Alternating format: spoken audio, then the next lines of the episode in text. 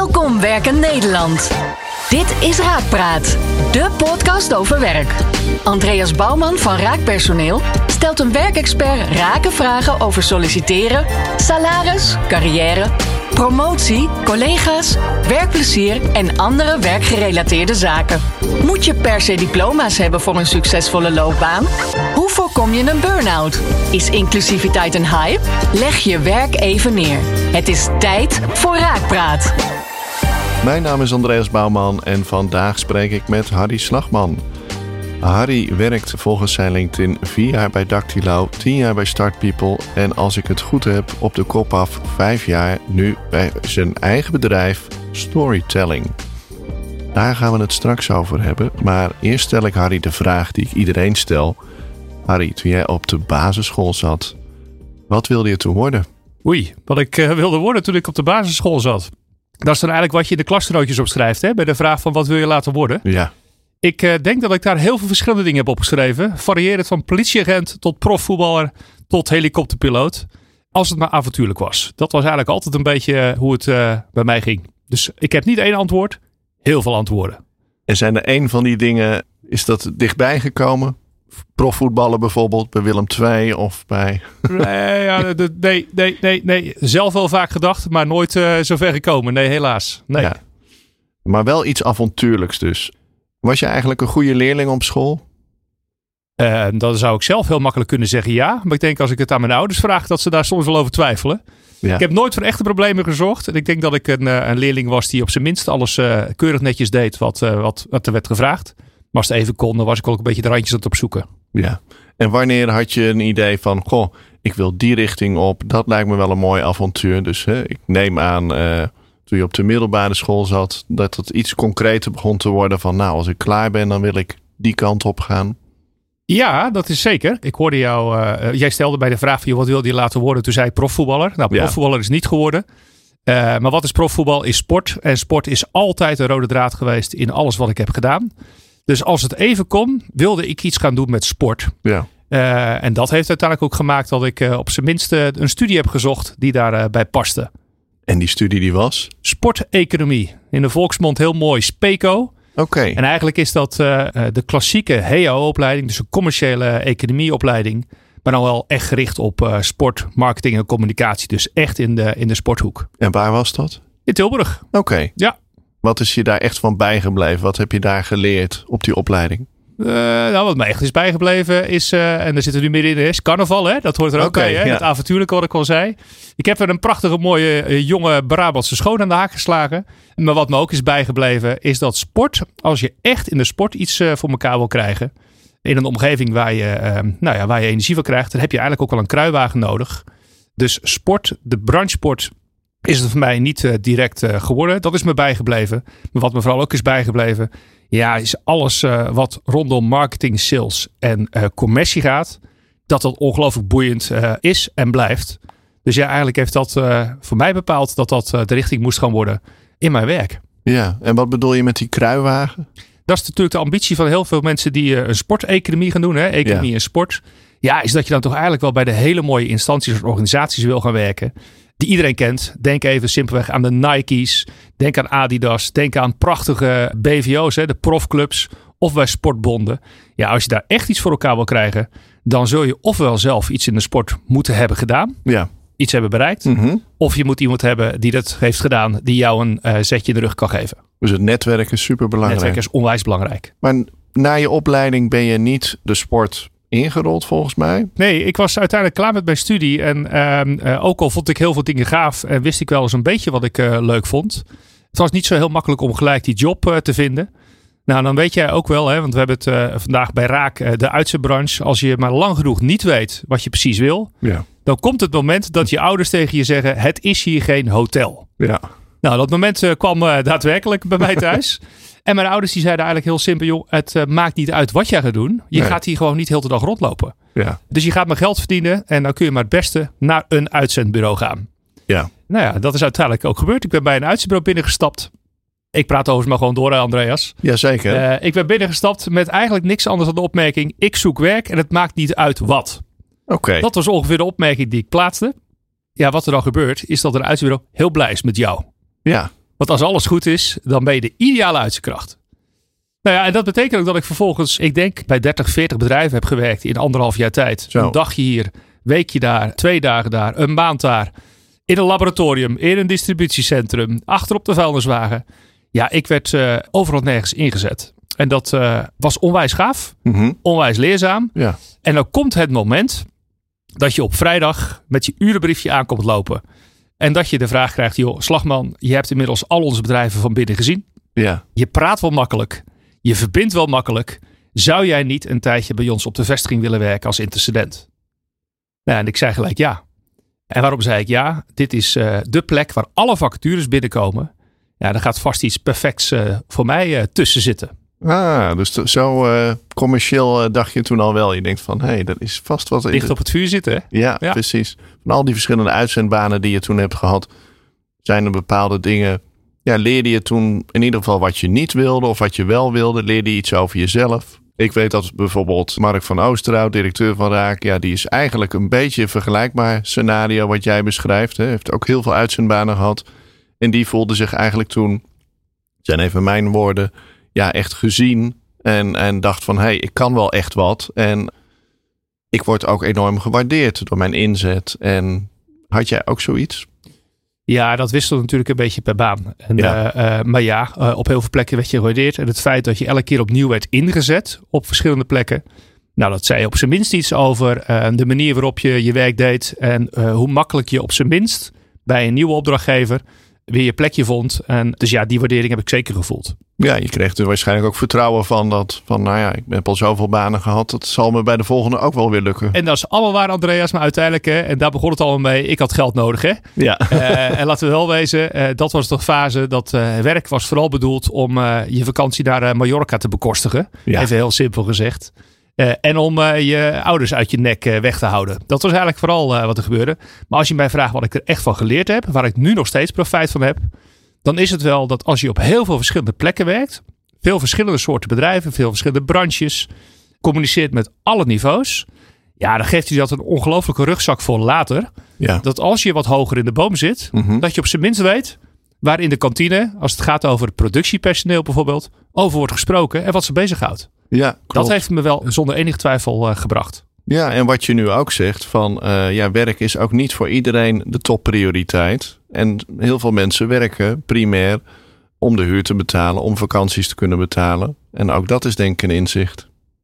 Zeker. En er zijn er meer van dan wij denken. Ja, ja. Ja. En toch ook wel een compliment dat ze jou dan gewoon vragen van... hey, kun je bij ons intercedent worden? Was het werk als intercedent toen je begon ook wat je ervan verwachtte? Ja, Eh, sterker nog, ik vond het leuker dan ik had eh, gedacht. Overigens, dat is het beeld dat er nog steeds wel eens heerst. Hè. Eh, mijn beeld was van, joh, daar zitten mensen op bevestigingen. Die hebben twee mappen in hun handen. Ja, Eén map met cv's en één map met vacatures. En de hele dag zijn ze aan het kwartetten. En aan het einde van de dag dan valt er van alles uit. Hè? Allemaal mooie matches en prachtige resultaten. het beruchte cv schuiven. Ja, Het cv schuiven. Ja. Nou, de, de praktijk was toen al en nu zeker ja, volstrekt anders. Eh, het zijn eigenlijk eh, meerdere vakken gebundeld in één. Oké. Recruitment is een vak, sales is een vak, Mhm. finance is een vak, eh, social recruit of eh, online recruitment is een vak. ja. Ja, met andere woorden, het was veel complexer dan ik ooit had gedacht. En dat maakt het alleen maar heel leuk. En jij begon bij Dactylo, toch? Ja. ja. Ja. En hoe zou je dat bedrijf omschrijven, die bedrijfscultuur? Want Dactylo bestaat niet meer. Nee, ehm, dat bestaat eh, niet meer. Maar Dactylo was voor mij, ehm, nou, de woorden die daar een beetje bij horen voor mij, is informeel, Mhm. eh, persoonlijk, misschien zelfs wel eh, familiair. Ja, En eigenlijk was dat wel heel bijzonder, want het was wel een organisatie met 130 vestigingen door het hele land. Dus het was eigenlijk gewoon een corporate organisatie. En toch Ja. bleven zij in staat om nou, het oorspronkelijke DNA en de normen, waarden en overtuiging waarmee ze de dingen deden, ja, recht overeind te houden.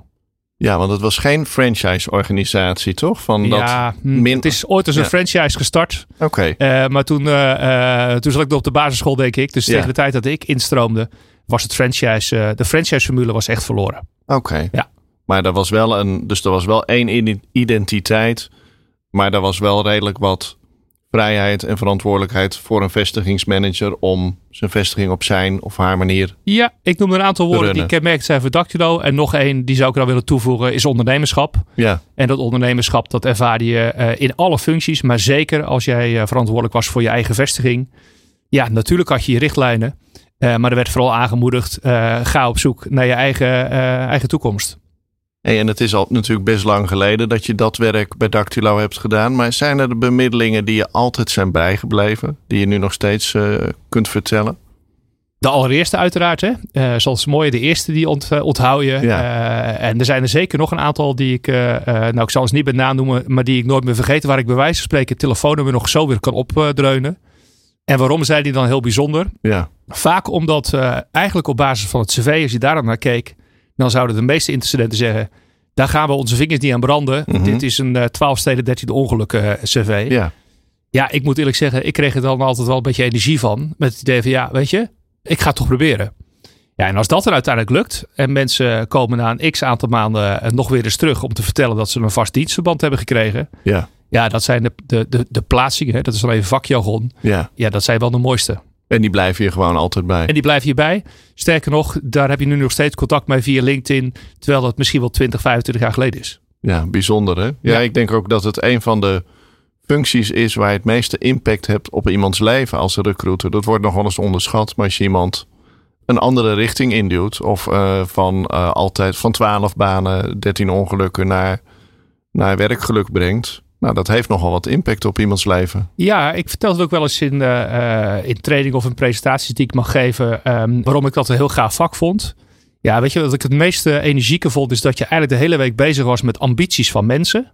Uitdagingen van bedrijven. En je was eigenlijk de hele week bezig om dat bij elkaar te brengen. En dan ging je op vrijdag naar huis toe. En dan wist je, maandag gaan er weer twee of drie mensen met een broodtrommel onder de snelbinders.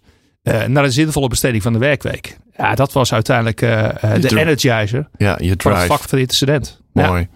Hey, maar toen ben je uiteindelijk, heb je vier jaar bij Dactylo gewerkt. Tien jaar volgens je LinkedIn profiel bij Start People. En daar ben je doorgegroeid naar allerlei managementrollen. Kun je daar iets over vertellen? Ja, ik heb overigens iets langer bij Dactylo gezeten hoor. Dus ik Oh. wordt tijd dat ik weer een keer goed naar mijn LinkedIn profiel kijk, Andreas. Misschien voor heb mij ik- heb ik daar tien jaar gewerkt. Ja. Dat is het moment dat Dactylo werd overgenomen door Randstad. Mhm. We noemden dat een fusie, maar in, eh, in de werkelijkheid was dat echt gewoon een overname. En eh, Randstad is een prachtig bedrijf, maar ik heb je net geschetst wat de cultuur, hoe de cultuur eruit zag binnen Dactylo. Ja, die stond wel redelijk haaks op de cultuur van Randstad. Ja. En dat heeft uiteindelijk gemaakt dat ik netjes mijn, mijn team heb overgedragen, alles heb afgerond. En op zoek gegaan ben naar iets nieuws, naar Start People. Daar ben ik eh, ingestroopt eigenlijk als area manager. Zo'n lekkere dikke titel, hè? Ja. Area manager. Verantwoordelijk voor Eindhoven Helmond. Ga je daar Eh, goed op, op dat soort titels? Vind je dat ja, fijn? ik ga er niet zo heel goed op. Oh. Ehm, eh, maar er zijn mensen die er heel goed op blijken te gaan. Ja, Ja, area manager, regio manager geeft een mooie, mooie titel. ja, En dat was eigenlijk het begin van een, of nou, het vervolg van een mooie carrière. Want ik bleek goed in mijn werk. Ik kreeg dingen voor elkaar, ik kreeg mensen in beweging. Ja, en als je ehm, ergens goed in bent en je werkt in een grote corporate organisatie. Ja, dan ga je promoties maken, Andreas. ja. En dan maak je mooie stappen. Maar eh leidinggeven is heel wat anders dan mensen bemiddelen. Waren er ook eh, lastige, eh, lastige zaken? Of dat, dat je dacht van nou, dat leidinggeven, dat, dat vind ik moeilijk. Of dingen die je geleerd hebt in die tijd. Of die je tegenvielen. Of die je juist heel erg meevielen. Want het is toch een heel ander soort werk wat je die jaren bij Start hebt gedaan. Ja, ehm, eh, ik was overigens al leidinggevende ook bij, bij Dactylo. En als ik eventjes kijk naar eh, het parcours wat ik dan bewandeld heb, is dat de eerste jaar als leidinggevende is dat eigenlijk best wel een uitdaging. Want je bent vooral aan het leidinggeven vanuit eh, de vaardigheden die je hebt geleerd. Ja, Keurig netjes in de schoolbankjes. Hè? Nou, dit zijn de slecht nieuwsgesprekken. En zo doe je een functioneringsgesprek. En eigenlijk allemaal keurig netjes, eh, heel functioneel. En dan krijg je best wel wat voor elkaar. Maar echt bewegen doet het niet. nee. En pas als je wat langer meeloopt en eh, merkt dat sommige dingen wel lukken en andere dingen niet lukken. En vooral jezelf meeneemt eh, in een rol als leidinggevende. Ja, dan kan er wel wat gebeuren. Dus ik vond het in het begin heel uitdagend. Eh, pas toen ik al die ja, klassieke vaardigheden een klein beetje heb losgelaten, laat ik het maar zo zeggen. Ja, Ja, dan word je ehm, ehm, eh, veel meer een inspirator dan dat je nou zo nodig de leidinggevende bent. ja, precies. En op een gegeven moment begon het toch te kriebelen, denk ik, gok ik, eh, dat je als zelfstandig ondernemer wilde gaan. Kun je iets vertellen over dat proces? Ja, dat kan ik zeker. Want um, uh, ik heb je geschetst wat het uh, ongelooflijk gave was van incidensen. Hè? Ambities van mensen, uitdagingen, bedrijven. Dat bij elkaar brengen. Klein, dynamisch, enthousiast, poten in de klei. Vandaag iets doen, morgen een resultaat. Ja. Nou ja, en als je dan uiteindelijk allemaal mooie stappen maakt. En je wordt commercieel directeur van een grote uh, beursgenoteerde organisatie. Ja. En je zit er boven in de toren. Dan heb je het echt over andere dingen. Ja. En uh, in mijn geval heb je het over processen, over procedures, over protocollen, over getallen, rendement, EBIT, KPI's. Als ik jou een beetje ken, dan. Ja, en, en, en service level agreement is ook zo'n mooi woord. Oh ja, ja. ja, en wanneer mag je heel vaak, uh, en ik weet dat is niet overal zo, maar wanneer mag je naar klanten toe als commercieel directeur? Eigenlijk alleen maar als er stront aan de knikker is, als je niet oppast. Mm -hmm. Nou, met andere woorden, ik was vooral bezig met koude dingen. En dat heeft echt mijn energielevel uh, aangetast. Batterij liep leeg. Ik was niet meer aan het doen waar ik energie van kreeg, maar vooral wat energie kostte. Ja, en dat doet iets met je. En uiteindelijk uh, ben ik echt eventjes thuis komen te zitten met een lege accu. In de wetenschap, ik moet iets anders gaan doen. Ja, maar je noemt het geen burn-out. nou ja, dat, uh, ik denk dat dat uiteindelijk gewoon, dat je dat kan kwalificeren onder de burn-out hoor, Andreas. Ja. Zeker wel. Hoe, hoe, je het ook werd of verkeerd, de batterij was leeg. Ja. En dan weet je, ik moet iets anders gaan doen. Maar wat dan? Ja, uiteindelijk heb ik uh, mijn baan rigoureus opgezegd. Zonder dat ik wist, wat ga ik nu doen? Oké. Okay. Alleen dat moment uh, was al, uh, al een goed moment. want dan ben je al aan het opknappen. Mm -hmm. wat heb je op zijn minste keuze voor jezelf gemaakt? Maar wat ga je dan doen? Ja.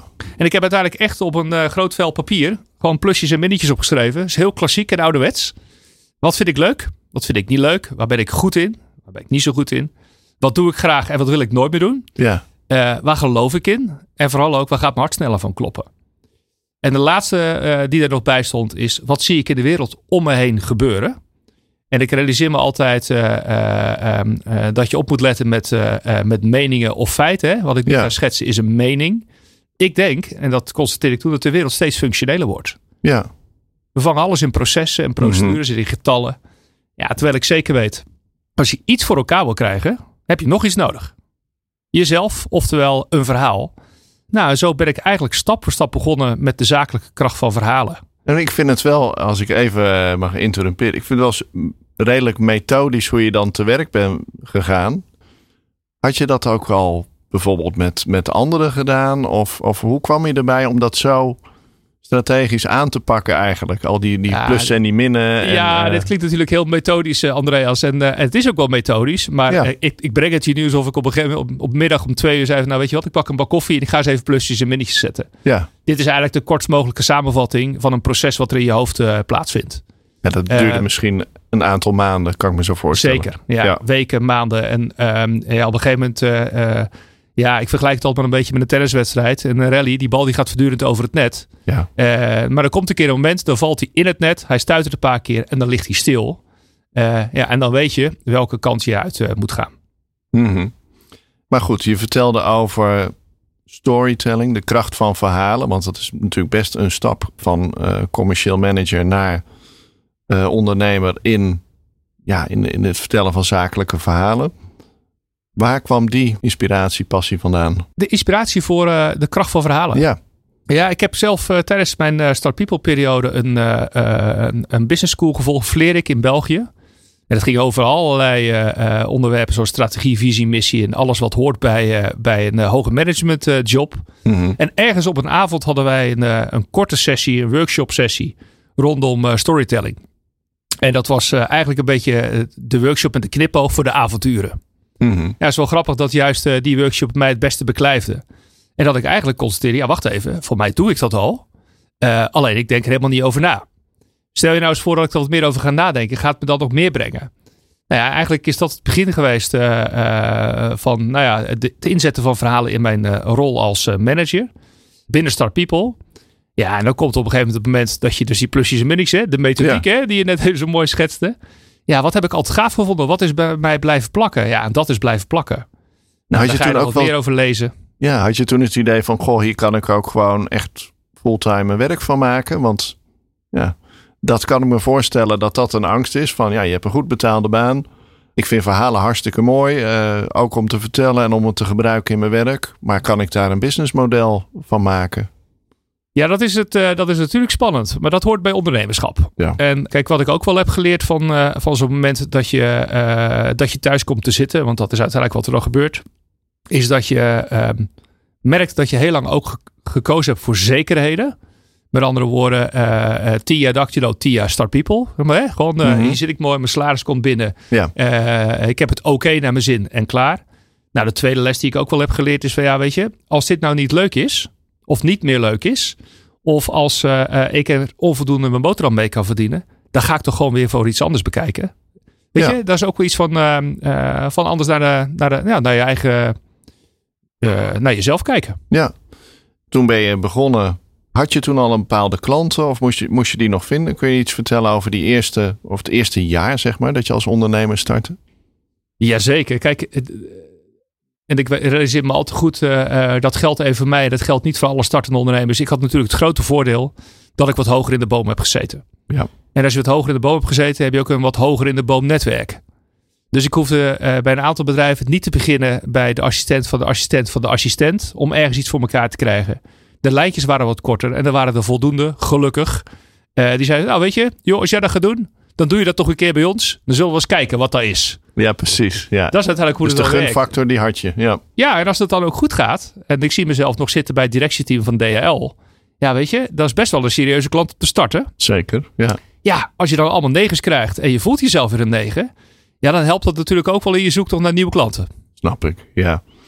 Ik kan me een workshop herinneren van jaren terug in Dordrecht. En uh, daarin vertelde jij over volgens mij een huisdier wat je medicatie moest geven. Ja, ja, ja. En dan, nou, de, het huisdier dat wilde de medicatie nemen. En toen verstopte je de pil in de, uh, in de pindakaas. En Ja. die woorden, dat is nu misschien wel vijf jaar geleden, vier, vijf jaar terug. Die zijn bij mij altijd blijven hangen. En uh, ik was dit gesprek aan het voorbereiden. En toen dacht ik van, waarom werkt zo'n metafoor, die beeldspraak, waarom werken die verhalen, waarom werkt storytelling zo vreselijk goed eigenlijk? Ik kan me de setting nog herinneren. Ik kan me nog herinneren dat je het uh, waar we waren toen je het vertelde. Terwijl ik van die dag zelf, van de rest, kan ik eerlijk gezegd vrijwel niets meer herinneren. Maar ik weet wel dit verhaal Ja, en uh, dat jij dit vertelde. Wat is toch die kracht daarvan? Ja, kijk, weet je, wij zijn, uh, we hebben een levende fantasie. Uh, en we vinden het heerlijk om als iemand aan het spreken is met iemand mee te mogen doen en het ons te kunnen voorstellen. Nou, het zou je niet verbazen, André, als ik het heb over KPI's, over service level agreements uh, en over dat soort hele taaie onderwerpen. Mm-hmm. Ja, weet je, daar heb je niet zo heel veel beeld bij. Dus dat zijn wat mij betreft vooral uh, functionele woorden. En die functionele dingen, die heb je hartstikke hard nodig. Hè? Dat zijn even die pillen die jij zo mooi uh, schetste net. Ja, als je daar iets mee wil, ja, dan zul je het moeten verpakken in iets wat herkenbaar is voor een ander. Ja. Uh, en dat is eigenlijk een beetje de pindakaas. En dat is um, precies waarom jij uh, dit verhaal hebt uh, onthouden. Want ik heb veel meer verteld dan dat. Mm-hmm. maar dit is uiteindelijk een voorbeeld. jij kunt je ongetwijfeld voorstellen hoe die hond er ongeveer uitziet. Ja. Je kunt je voorstellen uh, hoe dat is gegaan om dat pilletje te geven zonder pindakaas. Dat de hond dacht van, joh, bekijk het, ik doe lekker niet met jou mee. Pas toen ik het ging verpakken in iets wat de moeite waard was, iets eetbaars. Ja, dan wil die hond best meedoen. En eigenlijk is het in alle communicatie zo. Alle droge stof doet helemaal niets. Pas op het moment dat het wordt verpakt in iets wat herkenbaar is van een ander. Ja, dan gaat het wel iets doen. Ja, ja, ja. Mooi. Je hebt ongetwijfeld ongelooflijk veel trainingen gegeven. Zijn er bepaalde trainingen die je echt zijn bijgebleven? Van ja, dit vind ik, uh, dit vond ik wel mooi wat ik teweeg heb gebracht bij, bij de cursisten die iets geleerd hebben waar ze echt in hun dagelijks werk ook profijt van hadden? Ja, dan is, dat, is, dat is een vraag, daar, kan ik je honderd antwoorden op geven, denk ik, uh, Andreas. Uh, gelukkig uh, blijf ik elke training uh, weer... nou, ik, ik, ik, kan elke training weer verrast worden. En soms zit dat door de dynamiek in de groep, of vaak zit het in de dynamiek ehm, van een groep. Het kan ook dat ene verhaal zijn wat ik ergens hoor. Mm -hmm. Of die ene stap die iemand heeft gezet, simpelweg omdat die keer echt uit zijn comfortzone is gegaan. Ja. De hoogst haalbare voor mij is dat mensen uh, begrijpen dat als ze aan het einde van de trainingsdag weggaan, dat ze weten dat als, ik, ze naar, nee, dat als ze naar een klant gaan of naar een prospect, uh, dat ze niet alleen maar als functionaris daar naartoe gaan, maar dat ze zichzelf meenemen. Ja. Uh, misschien is dat wel het meest basale in, in communicatie, is dat we heel vaak onszelf gedragen als artiesten. En dat we doen waarvan we denken, dat zal de ander wel van ons verwachten. Ja, er is geen klant die zit te wachten op artiesten. Ze zitten te wachten op jou. Ja, dat betekent dat je in jouw communicatie, dus ook in je verhalen, iets moet meenemen wat voor jou is. Want ze willen jou leren kennen. Ja, precies. Nou, en als ja. dat beweegt in zo'n trainingsdag, ja, dan heb ik een topdag gehad. Ja, ja ik, herkenbaar. Ik denk dat veel mensen eh, die een bepaalde baan hebben, ja, die, die ervaren dat ze hun werk zijn. Hè, dat ze een bepaalde rol vervullen. Maar die vergeten inderdaad dat ze daarnaast ook gewoon nog mens zijn. En eh, durven zich da- daardoor wat minder open te stellen. En dat, eh, en dat merk je. Ik bedoel, als je iemand hebt die ja. puur reageert vanuit zijn rol, dan is dat niet heel erg prettig. eh. Ja, kijk, en, en zeker ook in sales, hè, want ik doe, mag ook regelmatig trainingen eh, geven op het gebied van, van sales. Ja, ik heb honderdduizend eh, sales trainingen gevolgd, denk ik, in mijn leven, Andreas. En ja, ze gaan allemaal over vaardigheden. Dus, hè, dus dank voor het constructieve gesprek. Dus als ik u goed begrepen heb dan, ik hoor wat u zegt. Het zijn natuurlijk allemaal de prachtige technieken. Maar ik heb nog nooit een klant gehad die tegen mij zei: Oh man, je bent zo netjes door je salesfases heen gegaan. Ik gun jou de deal. er is altijd iets anders Ja. aan de hand. Want ze willen weten: ben jij ook degene die dat voor mij eh, eh, gaat doen? Ben jij voor mij een geloofwaardig deskundige? Ja, en dan zul je dus nog iets mee moeten nemen om het verschil te maken. Ja, dat ben je zelf. Ja, nee, het gaat er uiteraard om vertrouwen.